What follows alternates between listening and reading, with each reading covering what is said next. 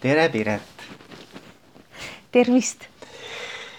mul on nii äge ja nii huvitav ja olen väga elevil, kuidas meil see sinuga see vestlus läheb, et ma, ma ei mäleta, millal ma viimati Viljandisse sattusin, aga nüüd me oleme Viljandis. ja, ja mul on kuidagi see teema ka, millest me hakkame rääkima ja sina eh, inimesena, keda ma liiga hästi ei tunne, aga aga nii palju, kui meie ühine, ühine sõber Arno Paltin on, on temaga meid kokku viis, eks ju, on rääkinud, et siis, siis ma usun, et, et see vestlus tuleb väga äge. ja kuidas ma sind sisse juhatan, ma, ma uurisin natuke su tausta. ja, ja sa oled nii palju teinud, ühesõnaga ma ei, mina ei suuda küll neid erinevaid asju nagu ette lugeda, kus sa kõik osalenud ja mida sa organiseerinud oled kõikvõimalikke festivale ja, ja, ja igasuguseid äh, lugude vestmise kontserte ja mm, igasuguseid asju oled ette võtnud, nii et sul on väga-väga CD-plaadid ja muud igasugused äh, teosed, mida sa oled, äh, mida sa oled selle aja jooksul suutnud välja anda ja ära teha. et ma tean, et üle kolmekümne aasta oled sa tegelenud jutuvestmisega. kolmkümmend kaks, jah nüüdseks juba. kolmkümmend kaks aastat. ja mitte ainult äh, jutu ja lugude vestmisega, vaid äh, selle valdkonnaga laiemalt, laiemalt.. Mhm. tõepoolest mm -hmm. sinna kuuluvad siis nii, nii kontserdid, jutuõhtud, hommikud, lõunatööd, siis äh, koolitused, loengud, töötoad, suvelaagrid, konverentsid, festivalid, festivalide korraldamine kaks äh, rahvusvahelist festivali, mida ma vedasin. Ja nüüd siis ühte kodumaist olen kaks aastat korraldanud, siis äh, MTÜ Jutumaja, mis võiks ka siis olla selline koht, mis aitab äh, rohkem võib-olla teadvustada ja rääkida lugude jutustamisest, mis pakuks sellist pesapaika ja head raamatukogu. Mm vastava kirjandusega. siis, mis veel tehtud on, jah, ja lugusid on ka ikka räägitud kõik need aastad mm. -hmm mind hakkas huvitama, enne kui ma üldse nagu seda kuidagi juhtimise ja, ja juhtidega seon, et mind hakkas huvitama, et mis sind selle valdkonna juures, noh, lugude rääkimine, lugude vestmine, jutustamine, mis sind paelus, kuidas sa jõudsid selleni, mis, mis asi see on, mis sind nagu selle juures äh, kõige rohkem kõnetab või, või puudutab? jah, kui ma väike olin, ega ma ju siis ei mõelnud, et ma tahan lugude jutustajaks saada. ma tahtsin saada algul jäätisemüüjaks mm., sest et Elvas, mis oli mu siis selline kodupealinn, me elasime sealt viis kilomeetrit eemal, seal oli üks jäätiseputka ja noh, jäätis oli ikkagi selline kõige, kõige ülim mida üks maalaps võis saada. kakskümmend üks kopikat, ma mäletan, maksis üks jäätis. ja siis ma tahtsin jäätisemüüjaks saada, aga siis mulle öeldi, et sa ei saa et jäätisemüüjaks saavad ainult vanaemad ja siis ma nii, nii väga tahtsin vanaemaks saada, aga noh, sellega läks ikka nii palju aega ja see ei tulnud kuidagi see asi nii ruttu välja, siis ma tahtsin mingil ajal õpetajaks saada, sest et kui ma kooli läksin, mulle väga meeldis õppida õpetamise kaudu mm. -hmm. nii et äh, minu õppimine käis nii, koolis vaatasin ära, kuidas õpetajad õpetasid, õpetajal oli laua peal raamat, nad olid väga ilusasti riides. Äh, meil olid väga ilusad õpetajad, kõik olid erandlikult, no lihtsalt olid. ja seal maakoolis, kus ma käisin ja siis ma läksin koju, panin ema riided selga, koristasin ilusti laua ära panin raamatu ette ja siis kujutasin ette endale, et mina nüüd õpetan teisi. Mm. ja tänu sellele ma õppisingi, ma olin üks ikka hea õppur olin, mul kõik viied olid ja nii edasi. aga ma õppisin õpetades jah. Mm.. ja siis, aga siis hakkas elu kuidagi hoopis teistmoodi minema, tuli Viljandi kultuurikool siin, saatus keeras niisuguse uue lehekülje, muidu ma olin ikka mõelnud ka mingil ajal, et lähen ülikooli ajalugu õppima aga siis äh, juhtus üks niisugune huvitav lugu. ma ikka räägin ära selle. muidugi räägi. ma olen selle kirjutanud ka ühte kohta ülesse. nii et äh, see on raiutud raamatusse ka. aga juhtus nii, et vaat ma olin niisugune aktiivne, sest et ma väga palju olin väiksena üksi ja siis, kui ma teisi inimesi tollal kohtasin, siis ma tundsin tohutut rõõmu inimestest ja mulle mm. meeldis olla igal pool ja ja nii, siis tollel ajal ma olin väga sotsiaalne olend, see tasapisi on. Ku, ku, kustunud, see, see on vähemaks. Nagu kuidas üteldakse, elu on maha lihvinud need ülearused osad, et äh, nüüd pigem ma otsin vaikust ja kui eriti peale jutustamist, ma pean saama olla vaikuses ja kuidagi ära. aga tol ajal väga aktiivne ja siis tulid kõik, ma olin ju see oktoobrilaps olin ja siis olin pioneer ja kõik nii, aga tollel ajal ju meie ei mõelnud, et see on midagi niisugust. see oli lihtsalt, see käis kaasas eluga. ja siis äh, komsomol ja nii. ja siis korraga öeldi mulle, et äh, nüüd me tahame, et sa hakkad kooli komsomoli sekretäriks. aga see oli esimene kord elus, kus ma sain aru, et see on küll asi, mida ma olla ei taha, sest lihtsalt komsomol ma võisin olla noh, kui tänapäeva inimesele need sõnad midagi ütlevad, aga kellele ei ütle, siis guugeldab mm. -hmm. komsomol ma võisin olla, aga ma teadsin, mida tähendab kooli komsomoli sekretär. see tähendab seda, et sa pead värbama. kui tänapäeval räägitakse, kasutatakse seda väljendit värbama mm, -hmm. siis ma alati, mul läheb külm jutt üle, sest ma tean, mida see tähendas mm -hmm. minu nooruses mm. -hmm. see tähendas seda, et ma pidin siis inimestega rääkima ja, ja, ja meelitama neid komsomoliks ja pidin neile ütlema, et kui te nüüd äh, hakkate komsomoliks, siis kui teilt küsitakse, siis te peate kindlasti ütlema, et te vabatahtlikult tahtsite selleks saada. ja ma teadsin, et ma pean inimestele niimoodi hakkama ütlema, aga minu meelest nii, nii rumal maalaps, kui ma olin, ma sain aru, et see peab olema ikka, et inimene ise tahab. ja ma ei olnud nõus sellega ja siis mulle öeldi nii kooli poolt, et hea küll, kui sa ei hakka, siis me noh, korraldame sinu lõputunnistuse nii, et sul ei ole võimalik ülikooli minna, niimoodi otse öeldigi mulle ja siis ma läksin koju ja ütlesin isale, et isa, kui kedagi sunnitakse kooli komsomoli sekretäriks, ma olin siis üheksandas klassis. kas ma siis pean hakkama selleks? kas ma pean siis koolis käima? Mu armas isa, ta nii vähe, kui ta mulle elus nõu andis, ütles ei pea. Ja rohkem ei olnudki. Mingeid selliseid isa-tütre kõnelusi, et mis siis saab, kui sa ei lähe kooli. Ja see tohutu usaldus või ma ei tea, võib-olla nad elasid siis, ma ei tea, võib-olla isa elas meist mööda või ma ei tea. või, või sai ta aru, et ma, ma saan hakkama, meil ei olnud küsimust siis edasi. ainult see, et ma läksingi kooli ja ütlesin, et ma lähen ära koolist siis, kui te nii teete ja see oli tohutu, tohutu troll, mis seal käis, lõpuks mind sealt ära lasti, sest et kooli näiteringi juhendaja äh, õpetaja Raits oli see, kes siis oli seal pedagoogilises nõukogus küsinud, et aga kui inimene on otsustanud omale elukutse juba valida, kas siis meie tohime seda takistada? ja niimoodi lubati mul minna ja ega mul, lugesin lehest, et Viljandi kultuurikool on olemas, lähen sinna ja läksingi ja siis, siis hakkas, vaat kuidas on niimoodi, et see oli tohutu suur uus lehekülg minu elus, ma ma olin Tartuski käinud võib-olla kaks korda elus ainult mm. -hmm siis tuli Viljandi, siis veel Tallinn, äh, Riiklik Konservatoorium, lavakunstikateeder et kõik see hakkas hoopis teistmoodi minema. ja, ja siis ma töötasin teatris ka mõnda aega. aga ma sain aru, et see pole see. ma ei ole seal õnnelik hmm.. ja minu meelest, kui inimene tunneb ära, et tema ei ole õnnelik, siis ta peab seda olukorda muutma. ta peab kuidagi muutma, kas ta hakkab siis rohkem iseendaga tööd tegema või teine võimalus on alati ära minna. ja mina olen pigem niisugune põgeneja tüüp ja läksingi tagasi siis äh, maale. üheks aastaks võtsin vabaduse enda jaoks. aga no mis vabadus tähendas maal? ma olin maalaps ju ka, see tähendas tohutut tööd, terve suviaeg. loomad, loomad, heinategu, aiavili, kõik ja siis tuli sügis.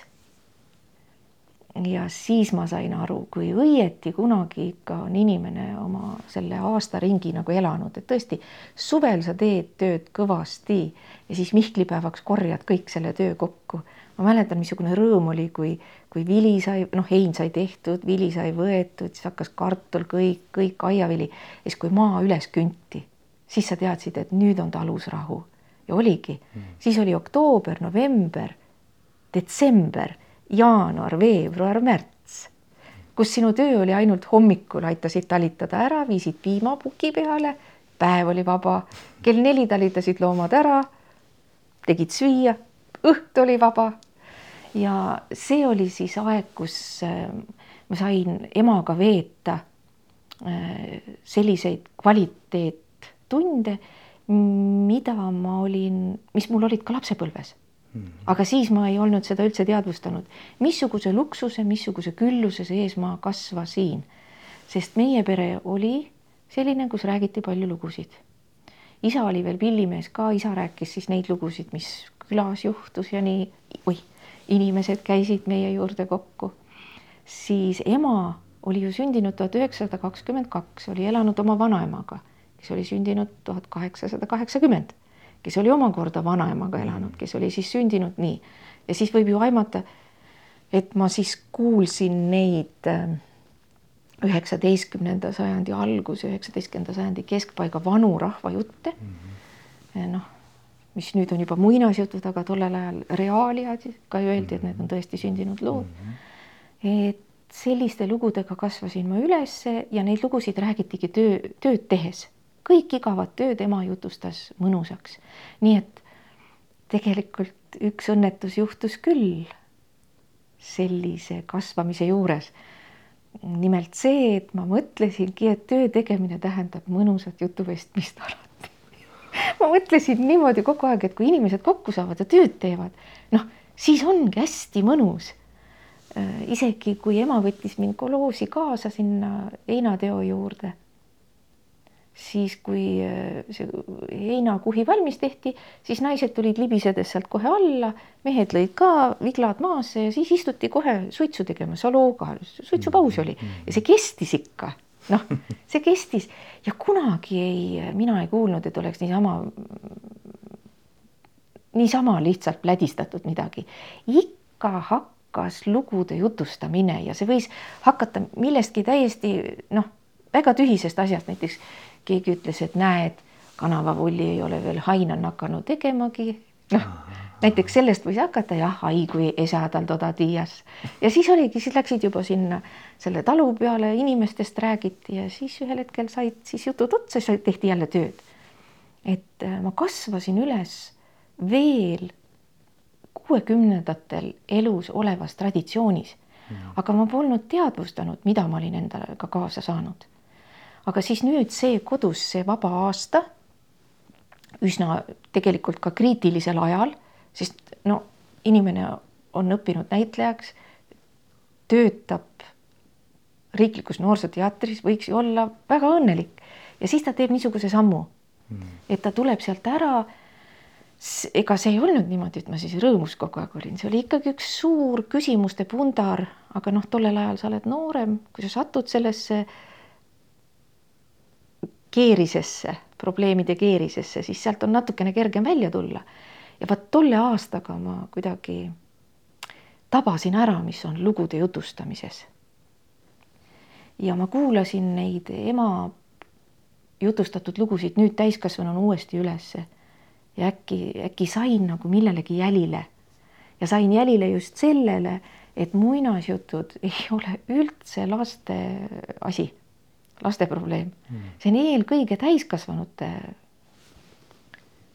ülesanne, kohustus, pealisülesanne rääkida lugusid lastele aga kuidas ta neid lugusid teab, kui ta omavahel neid ei jaga täiskasvanutega yeah., kui ta ei kuula neid, kui ta neid läbi ei ela, kui ta ei oska neid mõtestada ja sõnastada. ja, ja mul oli ka väga hea raamatukogu. kuna meil, me olime sellised vaesed, väheste võimalustega perekond, siis meil oli ainult kolm raamatut minu lapsepõlves. ma õppisin lugema Kalevipoega lugedes mm., tähti õppisin lugema kõik Kalevipojast ja vot just mõni aeg tagasi ma äh, olin lastega koos ja rääkisime lugemisisust. ja siis ma ütlesin ka lastele, täie veendumusega sain seda ütelda, et lapsed, elus on ikka, võib-olla te olete ka mõnikord tundnud, et, et on igav või et, äh, või et kuidagi üksi on olla või natuke paha on olla. inimene, kes oskab lugeda ja tahab lugeda, ei ole mitte kunagi üksi mitte kunagi ei ole tal igav. ja see on võimalus maailmast aru saada. ja siis tõenäoliselt ma saingi aru, kui hea on lugusid kuulata, aga kui kedagi kodus ei olnud, nad olid tööl ju hommikust õhtuni. kuidas ma siis saan lugusid, ainult lugedes. ja see pani mind õppima väga varakult juba lugema ja ka raamatuid koguma siis. nii et mul oli hea raamatukogu, ma lugesin väga häid muinas- ja rahvajutte. ja kui mulle külalised tulid, siis ma küsisin nende käest, et noh, tead seda lugu, kas sa seda ja mitte midagi peale nende kümne-viieteistkümne klassikalise inimesi ei teadnud. ja siis, kui ma kevadel äh, sain kirja äh, ühest äh, täienduskoolist, et kas sa tahaksid tulla, minu üks õpetaja oli seal juhatajaks, kultuuritöötajate täienduskool tollal. et kas sa tahaksid tulla midagi tegema, et meil on raha ja meil on maja, tule tee, mis tahad hmm.. see on era, see on noh, see on nagu loterii võit, mina kardangi, et ma rohkem ei võida elus mitte midagi, et ma võitsin tookord ära mm, -hmm. sest see oli mu elu küsimus, ma teadsin, mida ma tahan teha. ma tahan rääkida täiskasvanutele lugudest, muinasjuttudest, meie oma Eesti rahvajuttudest. Ja, ja hiljem siis hakkas mind huvitama ka see, et aga mis takistab neil jutustamast. mis, mis takistab neil niimoodi muinasjutte Mm, tunnetamast, aru saamast, nagu mina seda teen. see on küsimus veel isegi tänapäeval mul. ja niimoodi ma sattusingi, aga siin lähebki nüüd kokku tegelikult noh, siin lähevad nagu kaks asja kokku, üks ongi see, et ma tulin traditsioonist, ma kasvasin nagu õiges pinnases. ma ei ole, ma olen püüdnud hoida seda, mida hoida saab tollast, tollasest vanast ja siis noh, midagi siis, mida, mida sa pead arvestama tänapäevaga. aga öeldakse, et traditsioon elab nii kaua, kuni ta, ta kogu aeg areneb ja edasi läheb mm. -hmm. ja ma olen püüdnud seda hoida siiski niimoodi, et, et ta oleks traditsiooniline, aga ka midagi niisugust peab alati juurde tulema, et ta siis tänapäeval kaasa heliseks inimese inimese meeles ja hinges kuskil, et sa nagu mööda ei räägi, et sa ei jäägi kuskile üheksateistkümnenda sajandi esimesse poolde aga midagi, noh, need lood ise on juba nii vägevad. et midagi ikka jääb. nii et see on sinu lugu, kuidas sinust sai lugude vestja? jah, see on minu lugu ja tegelikult eh, tead, kui huvitav see on, et see on üks noh, näiteks meie traditsioonis ei ole olnud professionaalseid jutuvestjaid, meil ei ole olnud selliseid, kes pillidega niimoodi mängisid ja ja, ja vestsid kuningatele või rändasid ühest kohast teise ja meie lugude jutustamine on olnudki selline täiesti ütleme, ainulaadne, et mm. kõik võisid jutustada, kellel selleks annet oli. see oli kogukondlik jutustamine, eelkõige perekonnas, külakonnas, nii, aga muidugi professionaalsetena võib võib-olla käsitleda mu enda kursusekaaslane Anne Türbu kunagi juhtis tähelepanu sellele, et võib-olla need külakerjused, kellel ei olnud midagi, vallasandid, vallavaesed kellel kedagi ega midagi ei olnud, nad, vald pidi toitma oma vaesed ja siis nad käisid talust tallu. ja nüüd see inimene, kes oskas väga hästi jutustada või ka laulda, siis tema oli alati oodatud mm. Ja see on ju hoopis teine kvaliteet, kui sa oled oodatud või kui sa oled see, kes ah, tuleb jälle see ja saadetakse sind sinna kuskile nurka ja sa pead olema oma päevad seal ära. et ähm, niisuguseid äh, näiteid ja lugusid on sellistest jutustajatest ja ma arvan, nemad olid need meie, meie rahvakultuuri esimesed mm. professionaalsed jutustajad, aga, aga minule on saanud ka sellest nüüd elukutse ja, ja mis mulle selle elukutse juures meeldib, on üks just see, et sa ei saagi kunagi valmis. ma ei tea, kui palju näiteks juhid tunnetavad seda, et nad, nad, nad on alles poolel teel mulle tundub, et noh, üks hea juht peab ikka tundma juba kohe, et on väga hea boss siin, et siin ei ole mul enam midagi, ma tean kõike. aga jutuvestja õpib iga jutustamisega iga kohtumisega. ta õpib kogu aeg midagi juurde ja võib-olla noh, tohutuid eksimusi, mul on meeles, et ükskord mul oli ikka tunne, et ma olen teinud, ma olen teinud eh, niisuguse vea. noh, kuidas ma ütlen mida saab võrrelda, kui kirurg valesti lõikab ühe koha ja ongi see asi nüüd siis, mõtlesin, et peaks kohe mõne kirurgiga rääkima, et kuidas sa mhm. saad hakkama pärast seda, kui sa ei ole suutnud inimest päästa. noh, noh, tegelikult ma oleks ju tahtnud veel küsida, et kui sa oledki vea teinud mm. -hmm. Et jälle küll mul on see nii meeles, et kuidas sealt siis sai jälle ennast uuesti üles ehitatud. et see on kogu aeg õppimine, kogu aeg äh, iseendaga töö ja iga inimene, kellega sa kohtud, lihvib sind natukene mm. -hmm.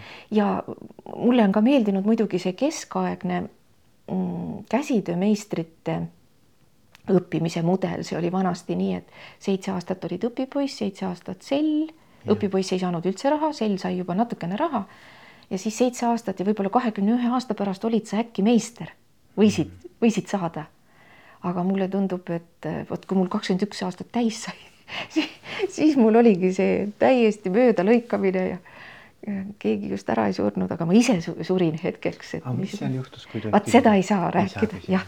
tead, kui palju on niisuguseid lugusid jutuvestjatel, mm, mida saab rääkida ainult, tõesti ainult üks-ühele, et kui sul on õpilane, kui sul on õpilane, siis sa võid talle rääkida lugusid, kokkulepe on neid lugusid kunagi edasi ei räägita. on lugusid, mida sa saad rääkida ainult publikule selles saalis ma küsin alati oma, mitte alati, aga enamasti ma küsin oma publiku käest, kas te olete nõus, et ma räägin täna neid lugusid, mida saate ainult teie kuulata, mis on ainult teile mm. -hmm. Kui te olete sellega nõus, siis pange ära oma salajased lindistamisvõimalused, sest et teid ma juba usaldan, aga ma ei tea, kellele te seda -hmm. mängite, teda ma ei usalda, ma ei saa rääkida kõige siiramaid lugusid. muidugi inimesed tahavad neid kõige siiramaid.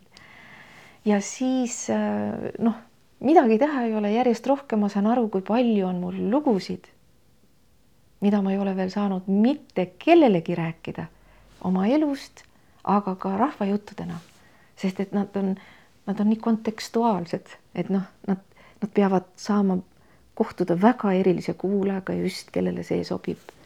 ja siis, kui hetk, noh, sa pead olema valmis ka seda hetke ära tundma. ma mäletan, mm, ükskord ma läksin Ruhnule Ruhnus on ka olnud hülgepüüdmine, tradi-, hülgepüüdmise traditsioon, aga meil ei ole pärimust, seda rahvajutulist pärimust, mis puudutab hülgerahvast, mis on Rootsis, Iirimaal, Šotimaal, Fäärid, Island, tohutud ilusad, võimsad lood. ja ma ei saa aru, miks nad mind puudutavad, mul, mul ei ole kuskilt mingit kokkupuudet, aga mm. nad on nii minu jaoks nii olulised lood ma ei ole kuskil neid saanud rääkida, noh, mõnele sõbrale nii. ja siis ükskord läksin Ruhnu, et oli üks laager ja mõtlesin, seal ma kasutan juhust, et ma neid räägin, räägin need inimesed nagu soojaks ja siis vaatan, kas saan neile rääkida. no kus? jah, seal oli midagi, keegi oli filminud hülgeid ja oli Facebooki pannud, sellest tuli suur pahandus. nii et ei tohtinud üldse sõna hüljes üteldagi seal okay nii et tookord jäid ka rääkimata väga palju lugusid, mida ei ole saanud rääkida, aga seda ma ei saa jah, see. ei, ei, ei ole hullu. aga, aga no väga tore, ühesõnaga tegelikult päris ilus maalitud pilt sinu kujunemisloost.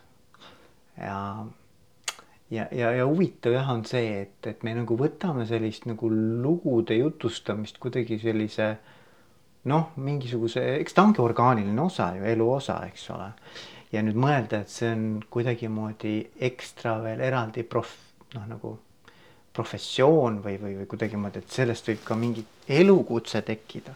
et noh, see on võib-olla natukene selline, see on nagu teistmoodi vaade, vaata.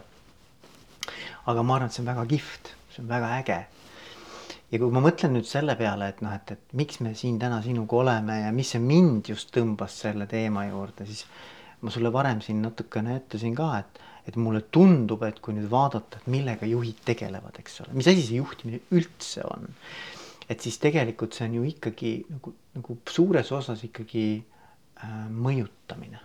noh, et, et sa, sa kuidagi oma isiku ja oma olemuse ja oma, oma tegude ja käitumise ja sealhulgas ka sõnadega ja nende väljaütlemiste ja, ja lugudega ähm, mõjutada enda ümber olevaid inimesi, väga palju mõjutad. ja sa pead aru saama, et, et mis mõju sellel on, mida sa ütled ja kuidas sa oled, eks ole.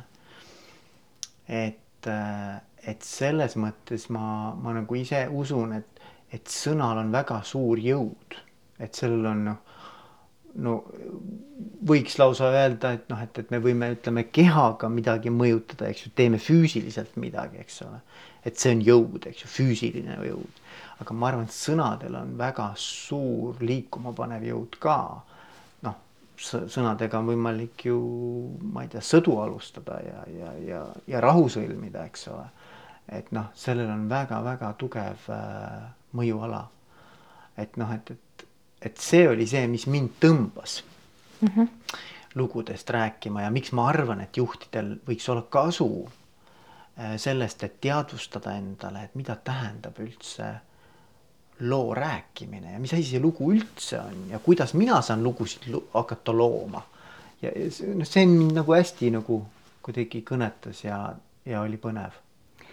Äh, mulle meenus üks suhvi lugu, mida ma olen ikka mõnikord inimestele teatud puhkudel saatnud ma ei teagi, kas ma teda üldse rääkinud olen kunagi. see oli siis niimoodi, et tuleb üks ema, tuleb targa juurde, laps on haige emal ja tark äh, vaatab seda last ja sosistab midagi kõrva ja ütleb, et ta saab terveks. Aga seal kõrval on üks mees ja ütleb, mis te nalja teete, et lihtsalt niimoodi possa-possa kõrva sosistate ja mõtlete, et nüüd laps saab terveks või? nalja teete või? noh, ei, ei, on see mhm. täiesti endast väljas mm. -hmm. ja siis Sufi vaatab, kes oli väga leebe ja väga rahulik inimene, vaatas hästi kurjalt selle mehe poole ja ütles, mida sina tead, sina oled ju täitsa loll. mees läks näost punaseks, ehmatas ära, et kuidas te mul, mis, mis õigusega te mind solvate.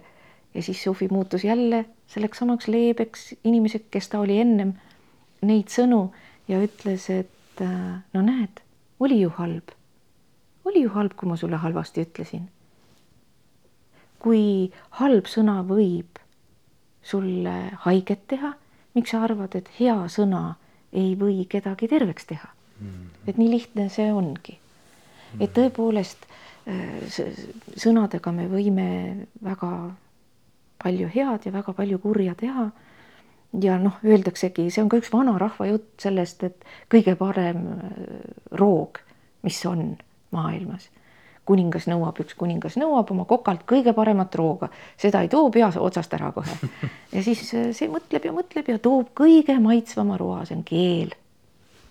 See on keel, kõik seal muidugi pandud kõike head ka juurde ja kuningas vaatab, see on keel jaa, sest mõtle, kui palju inimene võib selle keelega head teha.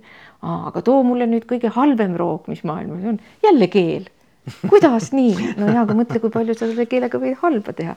et siis kuningas sai aru, et tal ei ole mitte lihtsalt väga hea kokk, vaid ka väga tark kokk mm.. nii, nii et mõnikord noh, mina seda lugu jutustades kindlasti lõpetaks nii, et mõnikord isegi kuningas läks kööki ja küsis, et kuule, mis ma nüüd peaksin tegema, mul seal kuningriigis üks selline probleem on.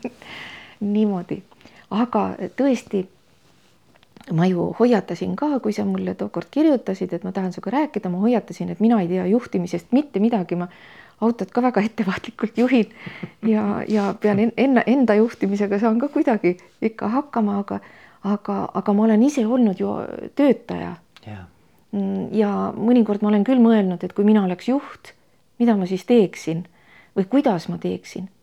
ja kui me näh-, lähme nüüd jutustamise juurde, lugude jutustamise juurde, siis lugude jutustamine on eelkõige suhtlemine, mis minule selle juures kõige rohkem meeldibki. kui ma teatris töötasin näitlejana, mul oligi see, see oht, et kui, ma nii mäletan, et mul oli oht see, et ma hakkasin otsima endale saalist inimesi, kel, kellele otsa vaadata, aga nii ei tohi, näitlejal on neljas sein on selle koha peal.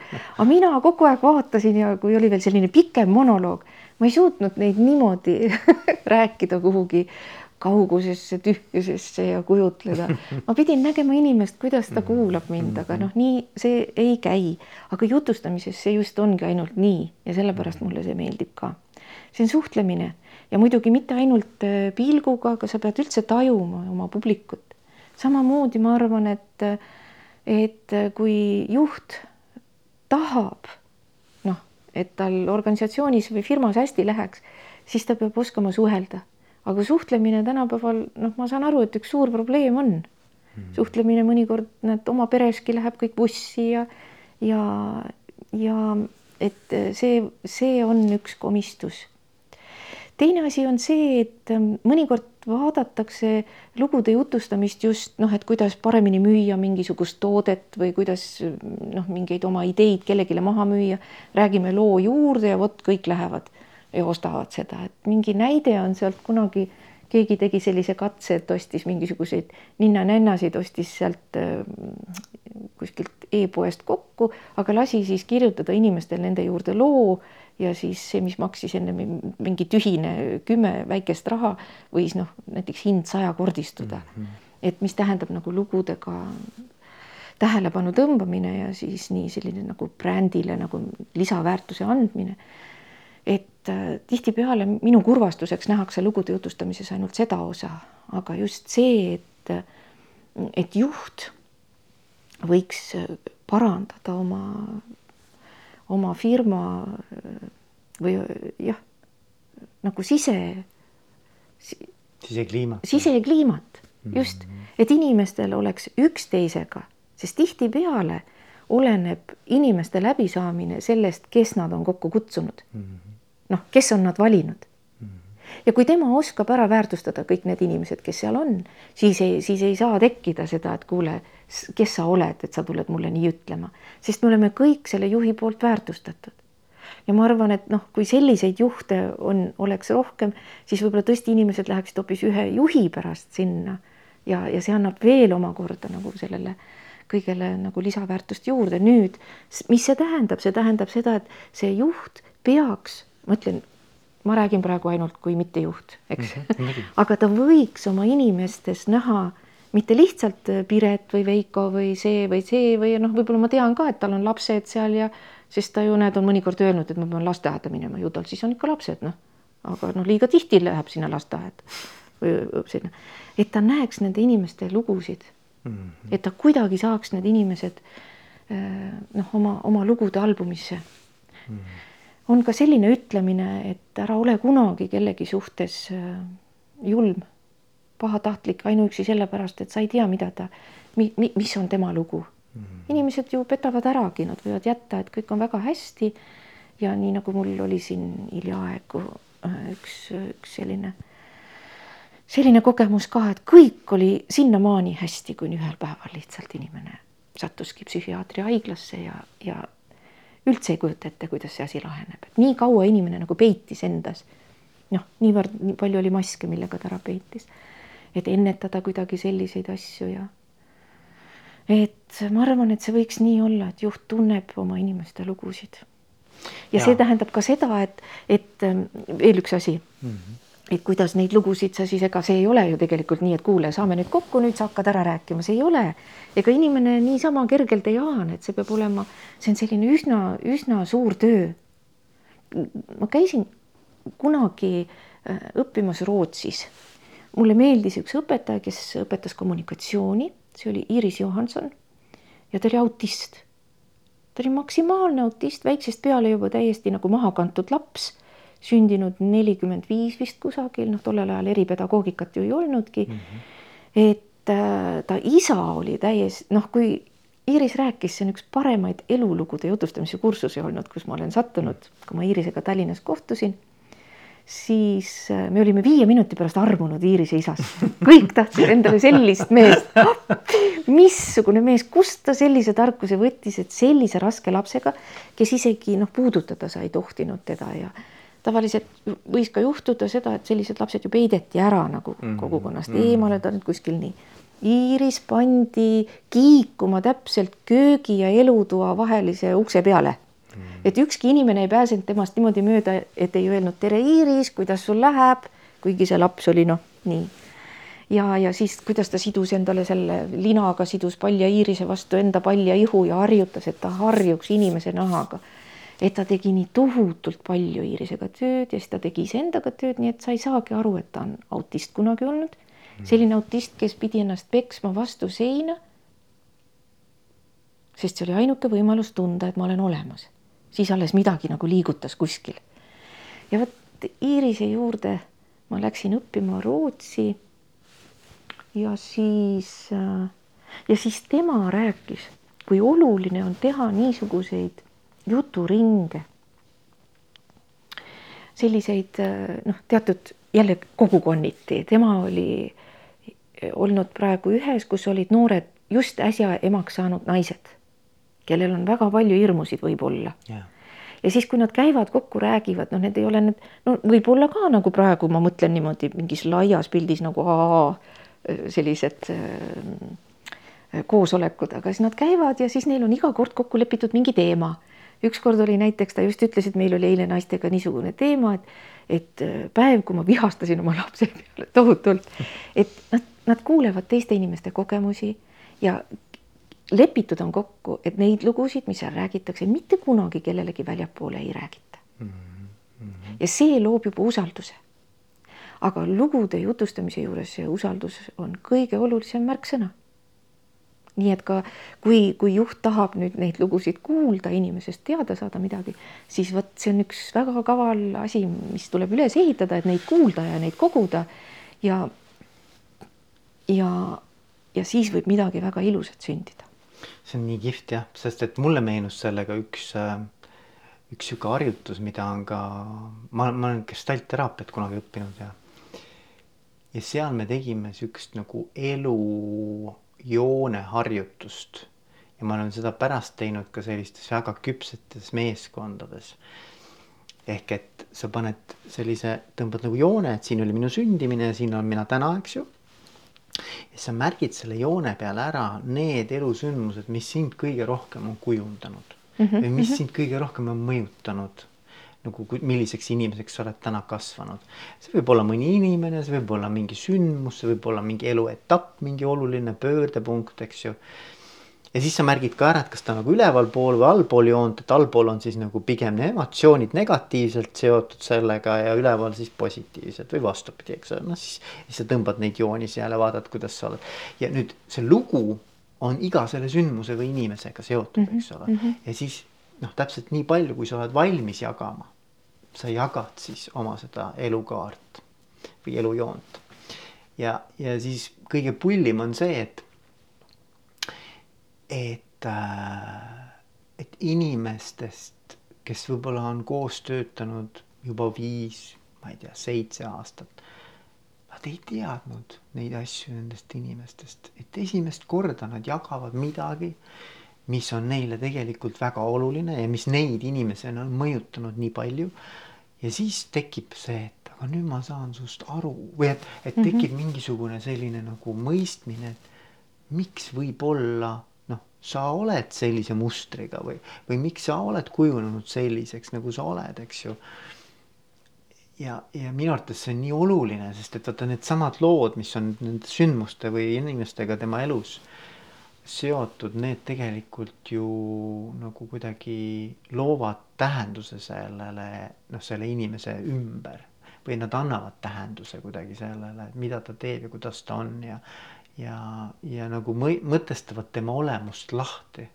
ja, ja mõnikord no ma ei tea, kas see, kas see või kuidas see juhti aitab, aga ma ise olen jälle, mis ma Iiriselt õppisin, eks mingid asjad on, mida sa ju elus tead ja siis äkki inimene, kelle sa valid oma õpetajaks, vot kui tema ütleb, siis see kinnitab nii kindlaks ära, et siis ongi niisugune tunne, et vot tema ütles mulle niimoodi ja nii see on mm. -hmm. et äh, noh mõnikord ju jutustamise ajal ka mul oli mm, niisuguseid raskeid lapsi Iirise juurde, ma läksingi tegelikult sellepärast, et üha rohkem tuleb ju neid mm, selliseid ärevaid ja, ja rahutuid lapsi mm, juurde ja juurde, et kuid-, missuguste lugudega nagu aidata sellist last, et mulle tundus, et Iiris võiks teada neid saladusi. aga siis ühel päeval keegi küsis midagi ja Iiris äkki vastaski nii, et tead mõnikord ongi nii, et sa ei saa mitte midagi elus rohkem teha, kui mõista teist inimest mm.. ja seda ongi väga raske teha. aga mõnikord on seda kergem, kui me teame selle inimese lugusid või lugu. Äh, ükskord ma mäletan, sõbranna laps tuli koju, teatas, et see õpetaja on täitsa loll mina kohe kangestusin, sest ma mõtlesin oma lapsepõlve, et me ei tohtinud õpetaja kohta mitte ühte halba sõna ütelda, isegi kui ta oli väga kuri. ja no lolle ei olnud, lolle meie koolis küll ei olnud, oli üks hästi kuri õpetaja. ma nii kartsin, ma läksin hommikuti kooli, siis ma kogu aeg mõtlesin, oleks ma minestaks täna ära, et siis tal äkki must on kahju. noh ja siis, aga, aga too kuri õpetaja, vaata, vaata, mis toimub inimestega, inimeses ju kogu aeg lood, noh, me, me elame, noh, miks lood inimesi puudutavad, sellepärast et me oleme üdini seotud lugudega. me sünnime juba mingi looga, enne meid on juba palju lugusid, et üldse meie saaksime sündida, kogu aeg kõik, kõik lood. meile pannakse nimi, see võib juba olla looga. meie riided on lugudega võib seotud olla, kuskilt ostsin väga kallis viis korda olen juba parandanud neid pükse, ära ei raatsi visata, sest need on nii head, mingid ehted, kõik, kus me elame, et me oleme läbi imbunud lugudest ja unenäod. et meie aju ei puhka ka öösel, loob omakorda lugusid jälle. ja siis, kui ma koolis käisin, siis ma mäletan, et selle kurja õpetaja pärast ma hakkasin fantaseerima, kelleks ma kunagi saan, aga see ei olnud seotud elukutse tahtmisega, aga tollel ajal oli selline film nagu Juurdlust viivad läbi asjatundjad. Ja seal oli üks kohtuekspert, oli üks äh, väga kena naine oli ja ja mina tahtsin saada selleks. ja siis ma nägin kogu aeg sellist pilti, kuidas ma olen koolis just selle õpetaja tunnis ja siis tuleb poli-, miilitsa auto ja mind on kohe vaja sinna. Hästi tähtsale uurimisele ära viia. Ja küll see õpetaja siis mind vaatab, et vaata meie Piret on nii tähtis, aga vaat, mis lapse kujutluses kõik toimus, aga noh, nii räägivad ju praegu ka need, kes lugusid õpetavad, et, et noh, et, et me tegelemegi kogu aeg mingite uute visio-, noh, mingite uute piltide tekitamisega, kui me oleme ise hädas mm, siis ongi ju kõigepealt me vaatame, mis võiks muutuda ja siis äkki tulebki elu sinna juurde järgi mm. -hmm.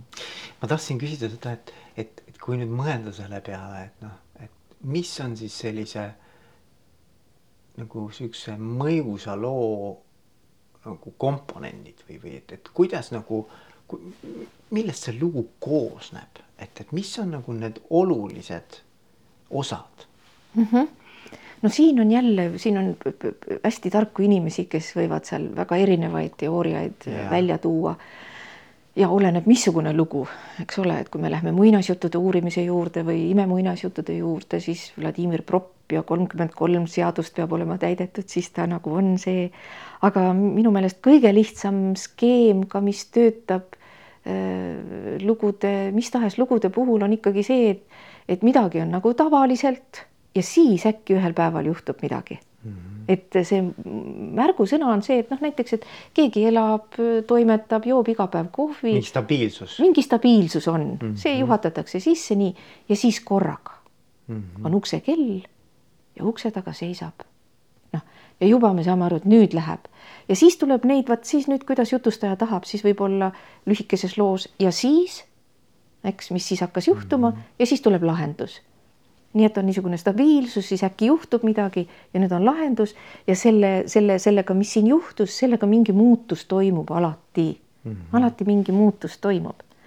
et see on nagu kõige lihtsam lugude skeem aga no muidugi seal on neid äh, viie peale, seitsme peale ja, ja kui ja. paljude peale, mis peab mingi, olema struktuuris. akadeemilist lähenemist ei taha, aga, aga ma just mõtlen, et, et kui, kui, kui nagu püüda kuidagimoodi aidata nüüd meie kuulajatel ka et noh, et inimene mõtleb, et noh, et, et, et mis asi see lugu siis on, eks ju. et siis ma arvan, et see on nagu väga hea nagu tähelepanek, et, et ta tegelikult toob nagu sellisesse igapäevaellu, mis võib-olla on rutiin, eks ju, ta toob mingisuguse noh, et miski nagu lööb selle nagu sellisest, sellisest tasakaalust mm -hmm. välja mm. -hmm. et tuleb mingi ootamatus või mingisugune vastuolu või pinge või konflikt, eks ole mis Minu, lööb selle? mulle tundubki, et näiteks kui lastele rääkida muinasjutte mm, -hmm. siis kasvab või noh, kuskile, ma ei tea, kasvab nende sisse või, või, või poeb nende naha alla see õi-, hea loo struktuur mm. -hmm. nii et kui ta ise hakkab kunagi rääkima, siis see lihtsalt sinus juba on olemas. see on mhm. juba tulnud kaasa, lood on nii kavalad asjad, et mõnikord äh, Äh, tähendab, noh, ma ei tunne kunagi ennast tegelikult, mul võib olla raske, sest ütleme, seitsmes, kaheksas, üheksas klass ei taha hästi kuulda või mõnikord on, on raskemat publikut ka elus, kõik ei lähe ludinal. ja see oleneb mõnikord ka päikese ja kuu ja tähtede seisust, ma ei tea, millest. aga, aga ma tean, et igal juhul need lood ei lähe kaotsi Mm -hmm. Need kuskile jäävad inimese alateadvusesse, nad poevad inimese ja naha vahele. ma olen ikka mõnikord teinud niisugust nalja, et muidu poeb, vaata hirm võib naha vahele pugeda, selline väljend on ju mm, -hmm. et hirm puges naha vahele. aga et ärme laseme hirmu, et kui me täidame oma naha vahe lugudega, siis ei ole sinna hirmul enam ruumi. et, ähm, et siis kasvab see sisse lihtsalt -hmm. ja inimesel on arusaamine, mis on lugu ma näen, ma mingi aeg oli väga populaarne see, et lastel lasti kirjutada lugusid, muistendeid, muinasjutte mingitel teemadel ja siis saad kohe aru, missugustele lastele on räägitud lugusid ja missugustele ei ole räägitud, sest neil ei ole seda struktuuri, neil ei ole seda lihtsalt loomulikult ei ole olemas seal, mis peaks olema, mis kasvabki sisse seal, kui me väiksena räägime lastele häid lugusid. et ja kui me vaatamegi muinasjutte, siis muinasjutt algab ka mõnikord on noh, natuke pikemalt on seda esiosa, aga see võib ka tulla juba üsna teises lauses, et on üks kuningas, aga näed, tal oli probleem.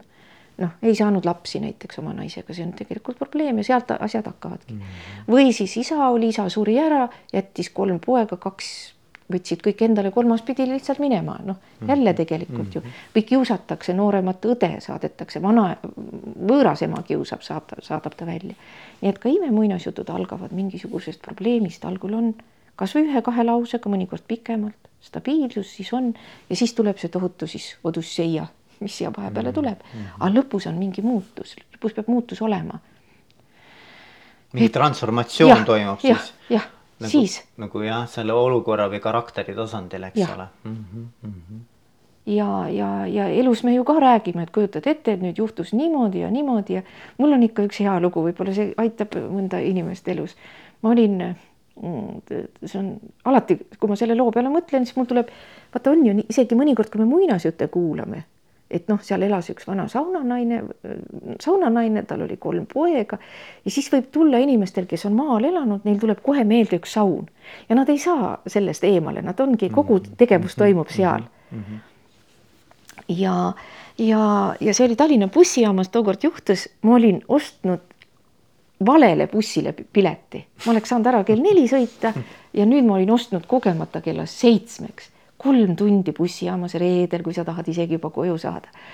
ma olin nii kuri, et ma olen harva nii kuri, aga ma kohe jalaga lõin seda bussiratast, et kuidas ma nii loll olin ja buss ei võtnud peale, sest et noh, mul oli teise firma bussipilet siis ma olin seal ja siis näen, et telefon heliseb ja mul on üks niisugune sõber, kellega me oleme kokku leppinud, et niisama ei, ei plädise, vaid räägime häid lugusid, ainult siis helistame teineteisele ja soovitan kõigile ühte niisugust sõpra endaga hoida enda ligidal.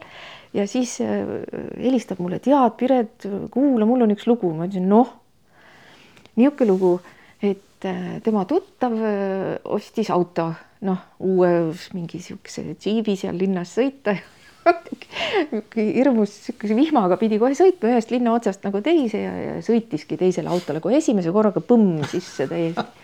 aga noh, ta oli džiip ju, mis tal viga, aga no ikkagi appikene ja siis näeb, et sellest esimesest autost tuleb niisugune vana mees veel välja ja ta kujutab ette oi-oi, kui pikalt siin läheb ja kui häbi ja kõik on nii halb seal, kogub ennast, astub autost välja, vanamees seisab, vaatab seda oma tagant lössis autost, siis vaatab seda džiipi, võtab taskust rahulikult suitsu, paneb suitsu ette, võtab taskust tikud, tikust tuld ka sinna ja siis teeb, tõmbab paar mahvi ja ütleb, no vot, ma olen ka nii väga tahtnud niisugust autot nagu sinul, aga mul ei ole.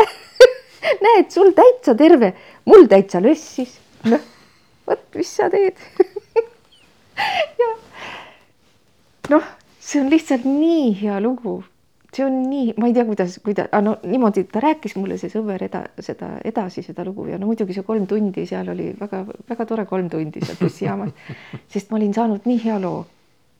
no võib-olla ma oleks saanud, kui ma bussis ka oleks olnud, aga ikkagi.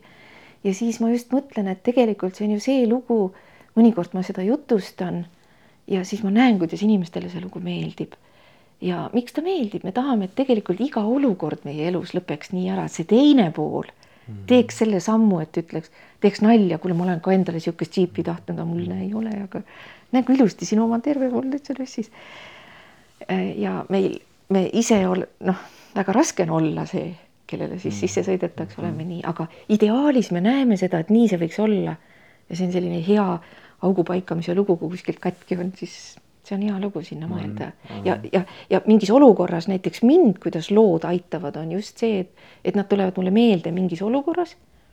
ja, ja, ja, ja parandabki seda olukorda, et ma, ma, ma kas ei ehmu nii väga, ma ei saa kurjaks inimese peale ähm,.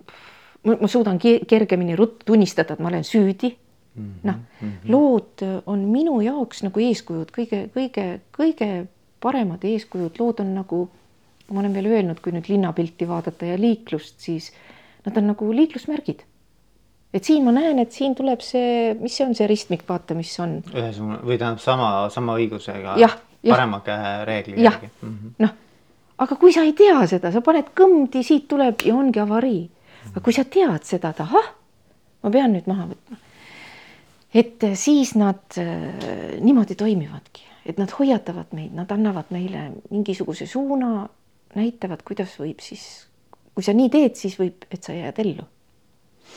jah, noh, see, ma arvan, et ega ma muidugi ei ole elanud sel ajal, aga ma arvan, et läbi kogu eh, inimese ajaloo tegelikult ju on need lood olnud need, mille kaudu siis antakse mõnes mõttes nagu tarkust edasi, eks ole. tarkus, kogemus mm, -hmm. kogemus mm, -hmm. iga lugu on kogemus. Kui me räägime, mõtleme, et me räägime mm, isiklikest lugudest, et siis justkui on nagu kogemus, ei ole muinasjutt on ka kogemus mm -hmm. ja veel, veel tõesti aastatuhandete tagune kogemus võib see olla, aga kogemus on ta ka sellepärast veel, et kui see jutustaja on selle loo valinud, siis on tal mingisugune asi, mida ta ajab selle looga mm. -hmm. ja kui sa seda teed veel väga targalt ja teadlikult, siis hakkavadki asjad juhtuma. Et, et ka muinasjutt võib anekdoot jälle mõtleme, no mingi nali ei ole. anekdoot näiteks mõnel sellisel väga keerulisel koosolekul võib ju pühitseda päeva. mingis olukorras, kus kõik on nii, et noh, hammustaks üksteist ja väga sügavalt tüki mm -hmm, välja kohe mm. -hmm, üks hea, hea anekdoot päästab mm. -hmm. ja, ja, ja, ja ma mõtlen ka seda, et, et vaata, et lood ju kannavad endas ka mingeid väärtusi, eks ju nagu, et nad annavad edasi, noh, väär-, mis on väärtus, väärtus on ikka see, eks ju, et mis on, eh, mis on nii-öelda nagu äh, hea ja mis on halb, eks ju. on ju, noh, põhimõtteliselt, eks ju. et siis nagu, kui sa, kui sa mõtled lugude peale, siis on ka ju see, et et nagu sa ütlesid, et noh, et kuidagimoodi toimub mingi muutus, eks ju, seal mm -hmm. on mingid otsused, mingid valikud on selles loos kindlasti, mida, mida siis äh, tegelased seal teevad, eks ju, ja kuidagi nad käituvad selles nii-öelda selles kontekstis ja keskkonnas. Ähm, ja, ja see annab ka aimu, et mida siis nii-öelda peetakse heaks või halvaks ja õigeks ja valeks, eks ju. ja. jah, niimoodi on. ja niimoodi ongi. ma mõtlen, et, et seal on veel mul läks korraks mõte kuskile mujale, aga et lood on seotud väärtustega, väärtused on ka just minu jaoks, nad on nagu, ma kogun enda jaoks näiteks inimesi, kes on minu jaoks väärtused, noh, mingid eeskujud, nad on nagu minu kõrge hüppelatid, et ma panen selle lati sinna ja isegi kui ma sinnani, ma tean, ma lihtsalt ei suuda sinna kunagi saavutada seda, siis minu jaoks see, see väärtuslatt on väga oluline, et ta seal on ja niimoodi on mõned inimesed minu eludes minu jaoks väga olulised inimesed. Äh, nad on tulnud ka läbi lugude muidugi aga, aga just ähm, nii. aga näiteks no ma toon ühe näite äh,. ma olin sellel, see on nagu selle aasta tõesti ka üks huvitav lugu. ma olin tegelikult juba eelmine aasta hakkas see jutt, et üks ähm, mees kirjutas mulle ka, et ta tahaks, et neil tuleb äripäeva konverents suur, et äh, üks jutuvestja sinna tuleks ja et mina räägiks, ta oli kuulnud kuskil, kus ma rääkisin, mis ma lugudega äh, seoses arvan kõik ja mismoodi nad inimest nagu võiksid aidata. ja, ja siis äh, tema arvas, et seal võiks ma olla, ma ütlesin, et äri inimesed on minust nii kaugel, ma ei tea sellest maailmast mitte midagi, muidugi ma ka ju natukene ikka pean teenima ja niimoodi, aga, aga ma tõesti ei tea ja näiteks no mis on mul ikka pangadirektorile ütelda ja ma ei tea ju, ma ei ole tema kingades käinud, ma ei oska, ei, ei oska ütelda. ei, ei, ega sina ei peagi, aga sina räägi seda, mis sa tookord rääkisidki nii. aga ma ikka pelgasin, no kes see tahab minna ja jääda ikka väga rumalasse olukorda. ja ma ütlesin, et olgu, et ma otsin, kui ma leian mingi loo ja tunnen, et seda ma võiksin küll teiega jagada, siis ma tulen mm. -hmm. kui, kui, kuu, kuid kestis otsimine. ja siis ma jõudsin ühe loo juurde, mulle tundus, et, et see on niisugune lugu, et kui seda lugu inimesed tõsiselt võtaksid, siis me ei peakski enam üldse korruptsioonist rääkima, me ei peaks rääkima üldse nendest asjadest, mis praegu on noh, poliitikas, ükskõik maailmas. Kui inimesed võtaksid seda lugu tõsiselt. ja siis mõtlesin, ma olen julge, ma räägin selle loo neile. aga siis oli nii, et siis saadi Zoomis kokku omavahel kõik esinejad ja mis ma seal kuulsin ja kõik olid sellist rahvusvahelise haardega suured korporatsioonid, kõik siis seal kõik see Enefiti asi ja kõik oi-oi-oi. ma ei saanud pooltest sõnadest ka aru, ühte, mida ma sain, oli inflatsioon, sellest ma sain aru. aga siis ma ütlesin ka, kui minu kord tuldi, siis et no meil on siin üks nagu selline teistmoodi inimene ka ja ma ütlesin, olen täiesti, et ma olen nagu see must lammas seal praegu keset suurt valget karja, aga aga et ma olen tõesti väga kaugel teist ja ma ei ole päris kindel, et ma peaksin seal teie hulgas olema. aga teisalt teate, kui nüüd kõik maha see võtta mm, -hmm. Et keegi on pangadirektor, keegi on tohutu suure firma direktor, keegi on veel see ja teine ja kolmas, kui see kõik maha kraapida ja veel maha kraapida natukene, et ta on mees või naine ja siis, kui veel maha kraapida kõik, siis ju jääbki alles inimene mm. -hmm ja et inimestele ma võin küll rääkida mm, -hmm. et kindlasti mul ei ole eh, noh, suurtele ülemustele juhtidele midagi niimoodi ütelda, aga inimesena ja, ja just inimesena meil ongi vaja ja siis ma olin just eelmisel õhtul leidnud ühe niisuguse loo. et seal oligi üks täitsa ärimees, kohe väga hästi tal muidu läks, aga hing ei olnud rahul. no kohe, no vot oled sa elus seda tundnud, et justkui nagu oleks kõik korras, aga nagu mingi sihuke nagu ei ole nagu noh, hästi. ja et, et noh, võib-olla see on see, et, et nagu, et sa oled küll nagu väliselt nagu kõik saavutanud, mida sa nagu oled soovinud. aga et nagu sisemiselt ikkagi on kuidagi nagu tühi olla. jah, ja sa ei oska seda sõnastada mm. -hmm. hästi tark mees võid olla või, või naine ka mm. -hmm. sa ei oska. mul sõbranna ütleb lihtsalt asjad libisevad käest, Piret ja mul ei ole sellist asja ennem olnud. et noh, need kriisikohad jäävad meil elus ikka. ja nii oli sellel mehel ka ja siis ükskord sõpradega saunas ja kõik ütlevad, kuule, hakka head tegema. tead, see heategevus, see on nii rahulik on pärast olla, annad raha siia, annad sinna ja vaata ise, hoia silma peal ja no mees lugeski tohutult projekte ja siis toetas ja ei toetanud ja nagu natukene oli parem, natuke ei olnud, aga ta tegi seda ikkagi täiesti nii suurel määral, et kui oli see Äripäeva top kümme, et kes on hästi head teinud, tema oli teisel kohal täitsa. nii et nagu oleks võinud rahul olla, aga noh, eks oli ja nii ja naa ja selliseid ja tolliseid päevi, aga siis ükskord läheb mööda teed ja näeb, et üks vana naine tuleb talle vastu. ja sellel vanal naisel kukub mantli eest nööp maha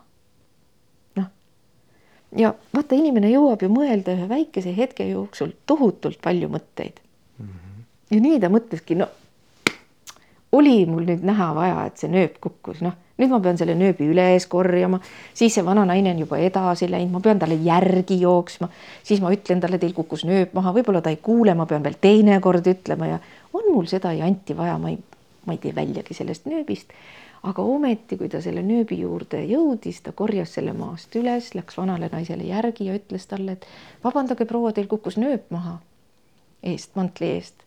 Ja see vaatas talle otsa, kuulis väga hästi, võttis nööbi ja ütles, ole sa tänatud, pojakene. ja pani nööbi tasku ja läks ja kõik unustasid selle. ja mees unustas selle loo täiesti ära ja siis ta suri ära. ja nüüd vaata selle surmaga seoses on erinevaid teooriaid.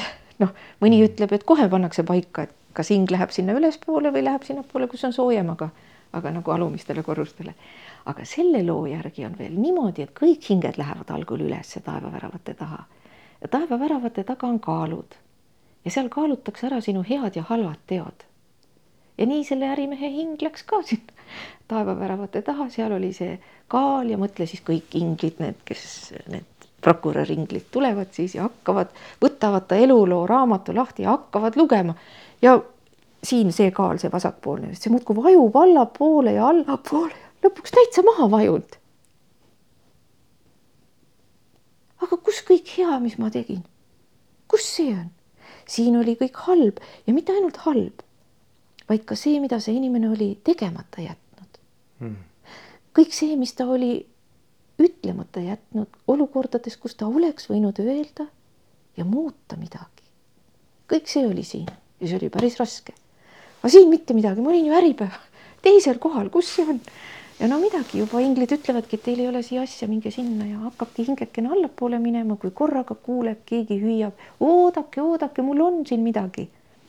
hing keerab ümber ja näeb, et tema kaitseingel tuleb, mantlihõlmad lehvivad, loppadi-loppadi jookseb sinna kaalude juurde, lõõtsutab seal natukene, pistab käe tasku ja võtab midagi ja laseb sinna kaalukausi peale. ja mõtle, see, mis ta sinna kolksatusega paneb, on nii raske et vajutab kõik selle halva kaalukausi kõik üles muidugi tagasi mm.. inglid lähevad vaatama, mis ta pani sinna siis ja nad näevad, seal on ainult see nööp. ja mehe hing küsib ingli käest, kuidas see nii saab olla, ma tegin nii palju head. ja nüüd on siin ainult see nööp, mida ma isegi ei mäletanud enam. ja ingel ütleb, vot ja ongi nii, et kõik see hea, mis sa tegid, tegid sa sellepärast, et kõik teaksid, et sa teed head. see nööp oli ainus asi, mille sa korjasid elus niimoodi maast üles, et sa enam seda hetke pärast ei mäletanud hmm.. ainus heategu. aga see avas taevaväravad selle mehe hinge ees. olin selle loo siis leidnud ja siis rääkisin ära ja ja siis sellel hetkel küll tundus, et nad olid üsna sõbralikud, las ta tuleb siis peale, äkki veel mõni lugu niisugune. aga muidugi, kui ma sinna konverentsile läksin, siis ma tegin ikka selle julge teo, et ma rääkisin selle pika-pika loo. kakskümmend viis minutit, see kestab, kakskümmend viis minutit oli aega. rääkisin ja, ja ega ma ei tea, kas noh, mis ja kuidas see lugu neile tundus ja oli, aga igal juhul ma ise tundsin, et see on üks julgemaid tegusid elus, seda lugu sellises kohas rääkida. see oli päris suur julgus ja noh, nii vanana juba võid olla ka ikka. vana, vana naine on tore olla, sest siis juba võid natuke rohkem endale lubada. aga noh, mõni inimene ütles küll, et see oli väga hea lugu, aga see muidugi nii pikk lugu, see täna siin ei kõla. aga nii nende ju ongi, et ja ega mina ka ei tea näiteks, miks see ärimehe lugu mind väga puudutab ja mul on veel mis, mis hästi võluv minu jaoks on, on just lugude varieeruvus. et üks on seda lugu nii rääkinud, teine nii, kolmas nii, neljas on veel nii lahke olnud, et on veel selle ka sinna pannud. kui ma vaatan näiteks filmisid, ma tunnistan ausalt, ma mõnikord, kui mul on sellised väsimuse perioodid, mulle meeldib krimipõnevikke vaadata ja küll ma olen nördinud, kui juba hakkavad asjad korduma mm.. tüpaažid korduvad mm, -hmm. tehakse nagu ülejala. et kui nii palju raha filmile antakse, miks nad ei või häid filme teha? aga no on häid ka ikka, mis üllatavad sind niimoodi, et kogu lugu on niimoodi üles kirjutatud. kogu lugu on nii kihvtilt stsenaristil üles loodud, et viimase kaadrini mina, kes ma ise olen lugude inimene, ma istun ja suust tuleb vesi välja, see ei ole võimalik, see ei ole võimalik. et aga näiteks filmide puhul see mind ärritab, ei meeldi, kui on kehvasti. või noh, kui varie-, kui hakkab nagu niimoodi, et ma tunnen ära juba mingi mm, süžee, et samad motiivid ja ka natukene võib-olla siit on midagi muud. noh, uurija on naine. aga, aga rahvajuttudega mulle just meeldib see, aga noh, inimeste elulood muidugi, need on ju kõik ainulaadsed seal ei olegi varieeruvust. aga ma ikkagi tahtsin korra tagasi tulla selle loo juurde, mis sa sellest ärimehest äh, rääkisid. et mis sa arvad, miks see sind nii puudutas? ei tea ja tead, minul ongi see äh, õnnelik asi, et mina ei ole ei antropoloog, ei etnoloog, ei üldse ma ei ole mingi psühholoog, ma ei ole üldse, üldse ei ole mingi loog. ja ma võin ainult loovalt äh, läheneda ja ma usaldan, ma usaldan niivõrd lugusid, et ma ei sori nendes palju mm. -hmm. ja olen ka inimestele ütlenud, ärge tahtke teada, mis seal loo sees on, ärge hakake teda, inimesed, eriti mul üks Kanada jutuvestja käis kunagi siin ja siis ta ütles, et teie, eestlased, olete kuidagi väga meelelised, et te tahate kõige kohta selgitust.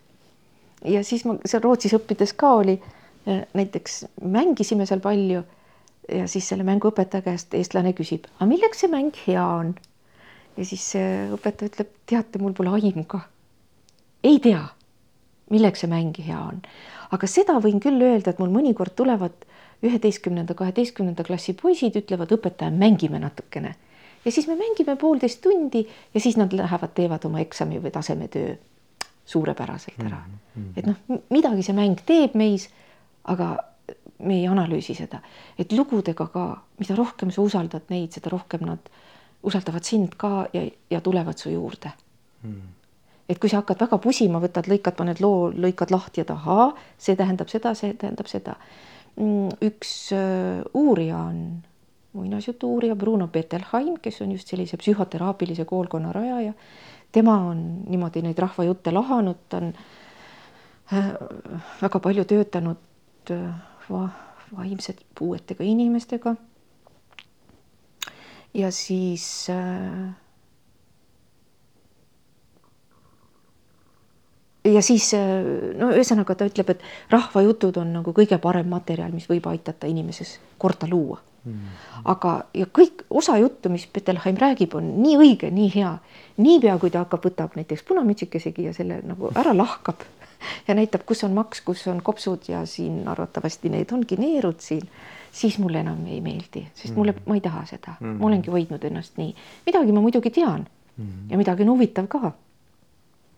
näiteks noh, natukene siin ka selle teemaga seoses uurisin ka, et kuidas siis äh, kuidas siis äh, lugude jutustamine ja juhtimine, noh, et kuidas need omavahel, mis seal seosed on, uurisin kohe internetist aga tundsingi, et täpselt piisaval määral, et rohkem ma teada ei taha, et ma tahakski ikkagi jääda selle juurde, et, täpselt nii, kuidas ma tajun neid mm. -hmm.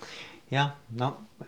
ja vot kat-, katkestan korra ja see ongi ju, lugude jutustamise üks fenomen ju ka, et kui me jutustame lugusid siis me ei tea kunagi, kuidas igaüks seda lugu kuuleb. mitte keegi ei võta ühtegi lugu üheselt. sul on kolmkümmend inimest, kõik kuulevad oma lugu. Ja kuidas ma seda teada saan? Hiljem, on see, et inimesed tulevad aastate pärast mu juurde ja ütlevad, et Piret, tead, sa rääkisid ükskord, noh, see oli seal ah,, ma ei mäleta ka enam, kus kohas ja see oli nii hea lugu, noh, et räägi veel ükskord, ma ütlen, no aga mis lugu, noh, mul ei ole meeles, mul on ainult see tunne meeles ja nii tahaks veel kuulda. noh, ja, või siis mõnikord ka öeldakse, et vot see asi oli ja mõtlen, appikene, mul ei ole ühtegi sellist lugu, aga talle on jäänud mingi kõige tillukesem äh, atribuut sellest muinasjutust mhm. meelde, mhm. aga see oli nii tähtis, et tal on see meelde jäänud, mina enam seda ei märkagi. Mhm. aga see seal on, et inimesed kuulevad kõike erinevat lugu. see on fenomen. ja noh, vaata see, noh, mida mina tunnen näiteks, et et inimesed püüavad panna, nii nagu lapsedki, eks ju, püüavad oma mingisugusesse maailmapilti selle, mida nad kuulevad, asetada. ja see maailmapilt on ju kujunenud neil aastate aastakümnetega. et, et noh, meil on endal ikkagi mingi struktuur, kuidas me maailma nagu näeme ja, ja, ja ja eks see puudutabki, mis siis nii-öelda nagu minu struktuuriga haakub, eks ole, et kui mis iganes nagu minu sellise kogemuse mm, -hmm. kogemusega nagu samastuda õnnestub, et siis eh, seda ma siis ka enda jaoks kuidagi võimendan ja. just, ma arvan, et meil on ju, me, me peidame endast tohutult palju lugusid, me kogume kogu aeg ju neid sinna, isegi kui me ei tea.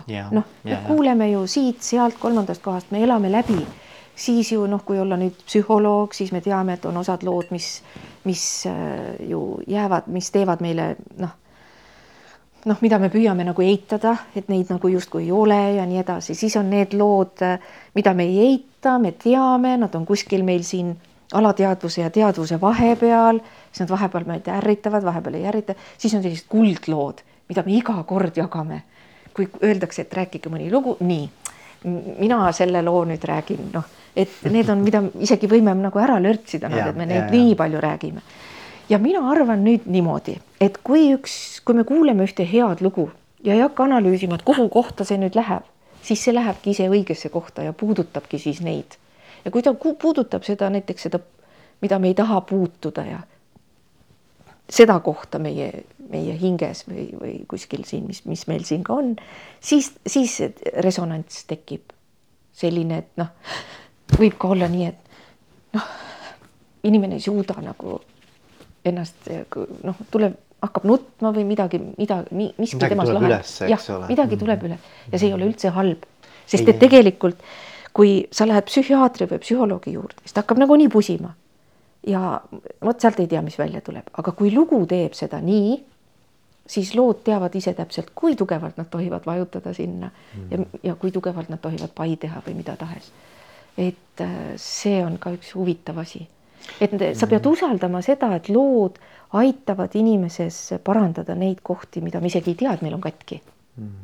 noh, meil ei ole meditsiiniliselt ühtegi niisugust rohtu välja panna, et võtame seda ja ta läheb ja parandab ära, noh, valuvaigisti ainult natuke küll, et tõesti ma ükskord hakkasin ju mõtlema, et kuidas ikka see valuvaigisti teab, et mul hammas valutab, aga mitte varvas täitsa selline lapsik mõte tuli, et lase, lapsena ma ei küsinud kunagi seda, muudkui sõin aga anardiini ja tsitramoni.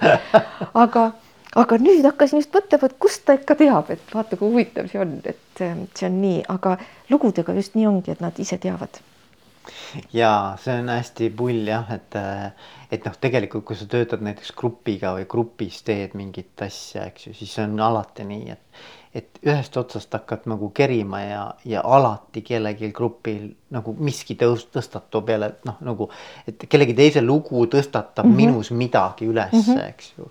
et nagu, et see on, see on, see on minu arvates nagu täitsa omaette fenomen ja, ja tõstab just selle asja, mis on, mis peabki üles tulema. jah et äh.... ja see võib ka luua inimeses kasvõi hetkeks luua mingisuguse muutuse, kui mitte isegi kaugemaks ajaks. muidugi, muidugi. mul on üks lugu veel, kuule, aga kas meie aeg juba ei ole täis et...? ei ole täis, meil, meil ei ole täis, noh, meil ei ole sellist aega nagu täisaeg, meil, meil, meil on siis, kui on õige aeg, siis lõpeb kõik ära.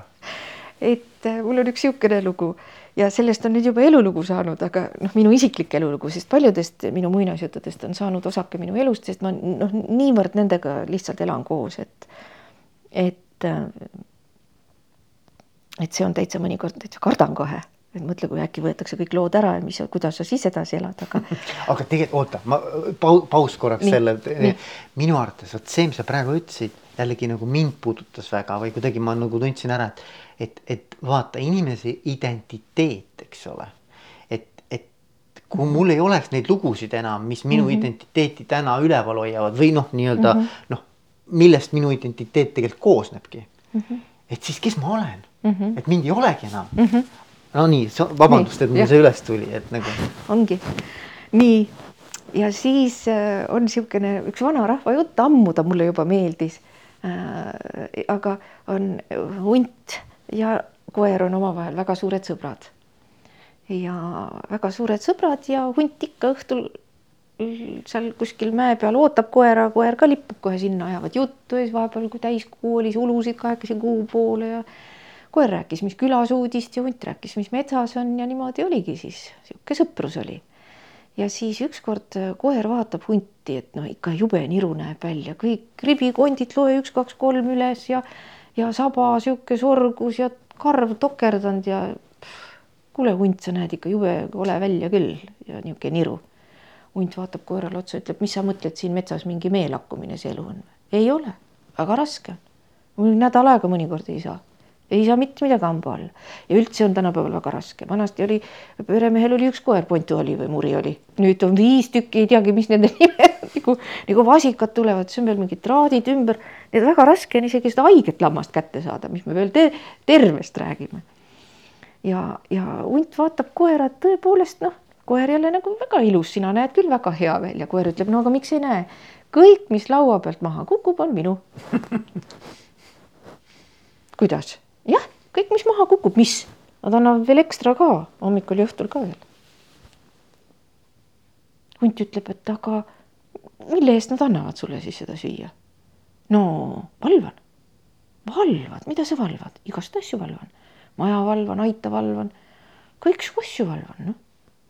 ja siis annavad selle eest süüa sulle nii palju kohe, et niisugune näed välja, nagu sa näed. jah, ütleb koer, just. hunt mõtleb hetke ja ütleb aga kui mina tuleksin ja valvaksin, kas mulle ka annavad? sulle annavad veel rohkem, sul on ju, mõtle, millised kihvad, hunt oled ju. kuule, aga ma tulen siis, muidugi tule, ütleb koer, sest mõtle, kui tore on, sõber on üle aia kohe, ei pea siia metsa iga päev lippama, iga õhtu. ja siis otsustavadki, et lähevad, noh, koer läheb lipp-lipi ees ja hunt tuleb volks-volks järgi ja ja korraga kuu tuleb pilve tagant välja ja ja, ja, ja äkki hunt näeb, et koeral on nagu siin niisugune nagu ümber kaela on nagu nahk paistab nii, et nagu karv on maas. ja küsib, et kuule, aga sõber, sul on nagu mingi haigus on kaela peal. koer ütleb, mis haigus? sul on sealt nagu karv maas kaela peal. äkki mingi nakkushaigus sul mille peale koer ütleb ei, ei, see on ketikoht, noh. mis ketikoht? ei no päeval nad panevad mind ketti ikka, aga ööd, need on ju kõik vabad. hunt istus maha ja hakkas mõtlema, kas see silekarv ja rõngas saba ja hea toit kaalub üle vabaduse kaotust. Mm.. ei mitte, ütles hunt, läks oma teed, koer läks oma teed ja nii ongi. Mm. ja noh, jälle, ega mina ju ei analüüsinud miks see lugu on hea lugu mm. aga võib-olla noh, kui nüüd natuke niimoodi nalja teha, siis võib-olla see lugu oli mind juba välja valinud ammu, teades, et kunagi ma pean selle küsimuse esitama endale elus. ja, ja, ja tõesti, ma pidin ka tegema niisugused valikud elus, kus oligi vaja mõelda, kas ma nüüd olen nii või naa. aga noh, see, see on ka kõige naljakam lugu üldse minu elulugudes on kõige naljakam lugu, et täpselt kuu aega enne koroonat, koroona saabumist, läksin ma vabakutseliseks, läksin riigitöölt ära, kus ma olin noh, loomingu inimesena ainult küll poole kohaga, aga ikkagi. ja, ja läksingi ära ja siis üks, üks nagu põhjusi, miks ma lahkusin, oli just kaugtöö probleem, sest ma olin viis aastat püüdnud noh, selgitada, kui väär, missugune väärtus on kaugtööl noh, isegi kui me elame samas linnas, me muidugi tol ajal oli veel asutus teises linnas ka ja ma püüdsin ja ei, ei suudetud seda aru saada ja kui siis kuu aja pärast läheb terve maailm kaugtööle mm -hmm. ja kõik leiavad, et see on üldse kõige parem asi, siis ma just järjest, mida kaugemale ma sellest loost lähen, seda rohkem ma saan aru, et see on minu kõige naljakam lugu üldse elus. aga noh, nii oli ja jälle oli üks niisugune äh, huvitav aeg aga no kellel tollel ajal ei oleks huvitav olnud, oli ikka kõigile väga huvitav aeg, nii et seda pole mõtet pikalt arutada, aga miks ma seda, miks see lugu mulle kallis on, on veel sellepärast, et ükskord ma rääkisin seda raadios, ma ei mäleta, mis saates kuskil ka paluti rääkida. ta oli siis hästi päevakajaline mulle ja, ja siis ma sain mõni päev hiljem sain kirja meili peale, et aitäh selle loo eest. ma olen seda otsust kümme aastat edasi lükanud mm., aga nüüd ma teen selle ära. ja inimene ei põhjendanud rohkem midagi ja ma loodan, et tal läks hästi, kui ta selle otsuse tegi, aga vaat, jumala võõras inimene, aga see lugu andis talle mingi tõuke, et äh, ma ei taha õnnetu olla. ma pean midagi muutma. ja, ja, ja see on see, see selles mõttes nagu jällegi vaata, siin tuleb see väärtus, eks ju mm. -hmm see on nagu väga selgelt nagu niisugune nagu, et see on nagu teelahkmel, eks ole, et nagu, et sul on tegelikult on nagu mitmeid erinevaid äh, lahendusvariante mida sa nüüd siis teed, sul on seal mitu teed, mida teed mööda võid minna mm, -hmm. eks ole. ja tundub nagu, et, et noh, igas selles tees ja ongi tegelikult igal teel on omad plussid ja omad miinused.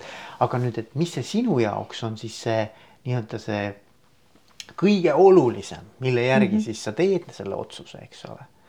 mis sind kõige rohkem nii-öelda puudutab ja, ja sinu jaoks äh, rolli mängib hästi-hästi pull jah kuule, aga ma, ma õudselt tänan ja me võiks rääkida tunde, ma olen täitsa veendunud selles. ma, ma tahaks veel lõpus küsida siia mm -hmm. niimoodi, et, et äh, kui sa saaksid midagi kas soovitada või, või, või anda mingisugune küsimus või mingi, ma ei tea, harjutus või nõuanne või, või ma ei tea, veel mingi lugu ähm,, millega jätta meie kuulajad et, et see lugude maagia kuidagi hakkaks nagu idanema või, või paneks mingi seemne kuhugi idanema. et, et millega, mis mõttega või, või see võib ka mingisugune sõnum olla või et millega jätta meie kuulajad? noh, mis ma ütlen, et no praegu soovitaks ikkagi, et lugege häid lugusid jagage omavahel lugusid, olge teiste inimeste lugudest huvitatud.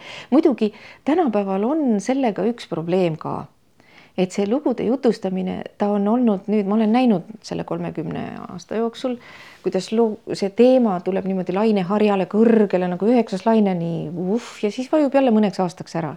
nüüd viimased aastad on ta väga populaarne olnud, et mõnikord mulle tundub ka, et kõik nagu on lugu kõik, arhitektuur räägib lugusid ja, ja, ja kirjanikud ja öö, filmitegijad ja kõik, kõik, kõik tegelikult siis ju tekib küsimus, kes see jutuvestja siis on, kui kõik räägivad lugusid, et seal mm, -hmm. seal noh, see on pikem teema, millega seal natukene nagu mööda mõeldakse. aga mina jätaksin ikkagi lugude jutustamise äh, kõik, kõigis nendes võivad lood olla, aga jutustamine on ikka jutustamine. et sellepärast äh, ikkagi ütlen, et, et seda ka nagu väga noh, noh, sellega peab nagu piiri pidama. aga aga ma arvan, et äh, ikkagi ükskõik, e, väärt lugu on alati väärt lugu. et lihtsalt koguda endasse lugusid. et me oleme nüüd rääkinud äh, võib-olla täna sellest lugude jutustamisest, vaata nagu kalad niimoodi nilpsavad natuke siit ja natuke siit ja natukene siit. et nüüd kuidagi, kui tõesti keegi on selle otsast lõpuni kuulanud et siis äh, lõpus tuleb see kõige magusam asi, mis juhtidele võiks olla, ongi see raamat mm,. Äh, Mats Heibel, üks äh, Rootsi jutuinimene ja temal on kogumik siis eesti keeles lugude rääkimise kunst. selle on välja andnud juhtimiskonverents, Pärnu konverentsid mm. -hmm. ja ta oli siin kunagi külas ja siis innustas Eesti juhte ka siis lugusid koguma ja, ja see on päris hea, võib-olla siin on natukene tõlkeliselt mõned väljendid jäävad ehk nagu kuskile sinna teise keelde, aga ikkagi kogu see näitematerjal lugude näol, mis siin on, on väga hea. Ja ja noh, nagu ma ütlesin ka, et, et siin on nii palju niisuguseid lugusid, mis kohe puudutavad. Ja isegi kui ma kunagi selle firmaga kokku ei puutu siis nendes lugudes on midagi nii head ja nii sooja mm, -hmm. nagu meie elulugudes võibki olla, mis, mis, mis toetavad mind igal juhul mm. -hmm. Mm -hmm. Nende isiklike tõesti sündinud elulugude juures ongi see üks jälle eriline äh, fenomen või kingitus, et, et nad, äh, me ei usu seda, aga nad äh, noh, võivad mitte ainult kogemust pakkuda, vaid ka tervendada, kedagi terveks teha mingi koha, sest lugu on lihtsalt nii hea. ja, ja igal juhul Piret, see on olnud väga äge, ma olen äh, õppinud väga palju nagu äh, selle pooleteist tunni, nüüd pooleteist tunni jooksul. oi taevas küll. et äh,, et ma loodan, et noh, et inimesed, kes seda kuulavad et ka nende jaoks praegu hakkas see kuidagi see lugude vestmise teema kõlama ja, ja, ja et võib-olla see on asi, mida rohkem ja teadlikumalt kasutada oma juhitöös, eks ju. jah, ja, ja oleneb ju, me oleme, kui me oleme mingi firma juht, eks ole, või firma juhiks, aga siis võib ju juhtuda, et me oleme kodus ka. me juhime ja, oma perekonda muidugi, ka. muidugi et äh, minu jaoks on nagu olnud kõigi nende aastate jooksul see, see kõige väiksemas kogukonnas jutustamine kõige olulisem. ja noh, vot, et seda, seda kohta võiks siis ka vaadata. ja ma räägin ju iseendaga ka mm. -hmm, et mis lood ma endaga räägin mm. -hmm.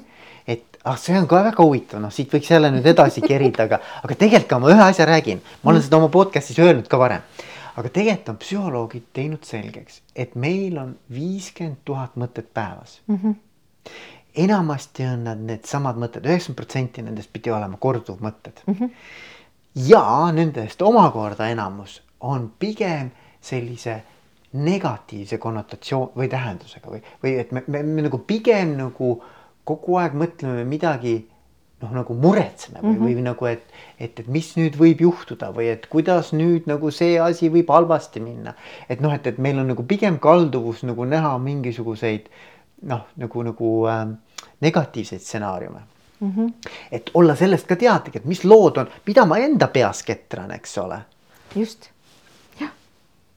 ja, ja, ja siis võib-olla juba ükskõik, siis võib-olla anekdoot, isiklik lugu, muinaslugu kirjandusest midagi otsida.